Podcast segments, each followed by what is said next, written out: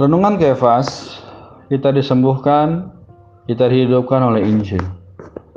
Markus 5 23 dan 25 berkata, Anakku perempuan sedang sakit hampir mati. Datanglah kiranya dan letakkanlah tanganmu atasnya, supaya ia selamat dan tetap hidup. Adalah di situ seorang perempuan yang sudah 12 tahun lamanya menderita pendarahan. Dalam pasal 5 ayat 21 sampai 43 kita dapati catatan tentang penyembuhan perempuan yang sakit pendarahan. Dan Tuhan membangkitkan anak perempuan yang mati. Dua kisah ini menceritakan perbuatan mujizat Tuhan Yesus sebagai hamba Allah. Dalam kisah ini kita dapat melihat penderitaan orang-orang yang sakit, kelembutan dan kebaikan hamba penyelamat dalam pelayanannya.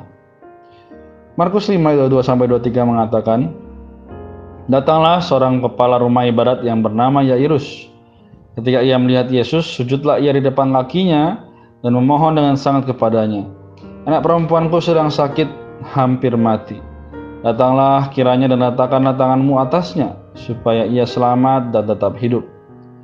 Kepala rumah ibadat itu tidak begitu beriman. Inilah sebabnya ia memohon Tuhan Yesus datang ke rumahnya. Tuhan setuju dan pergi bersamanya. Menurut ayat 24, orang banyak berbondong-bondong mengikuti dia dan berdesak-desakan di dekatnya. Dalam ayat 25 hingga 34 kita nampak seorang perempuan yang sakit pendarahan selama 12 tahun datang ke tengah kerumunan orang di belakang Tuhan, menyentuh jubahnya dan memperoleh kesembuhan. Sobat Kefas, coba perhatikan beberapa persamaan dari dua kasus ini. Pertama, 12 tahun lamanya perempuan itu menderita, ini sama dengan umur anak gadis yang meninggal. Kemudian keduanya adalah perempuan. Satu lebih tua, satu lebih muda. Apa arti penyakit perempuan itu? Penyakitnya melambangkan kebocoran hayat. Pendarahan melambangkan kebocoran esens hayat. Apa arti mati? Mati berarti mengalami kebocoran esens hayat. Puji Tuhan, haleluya. Penyembuhan perempuan itu dan kebangkitan anak perempuan merupakan gambaran pengalaman kita dalam menerima Injil. Ketika Injil sampai kepada kita, kita mendengarkannya, menerimanya, dan kita disembuhkan dari penyakit kebocoran esens hayat. Kemudian setelah kita disembuhkan, kita dihidupkan kembali dan melakukan kegiatan seperti biasa. Haleluya atas Injil.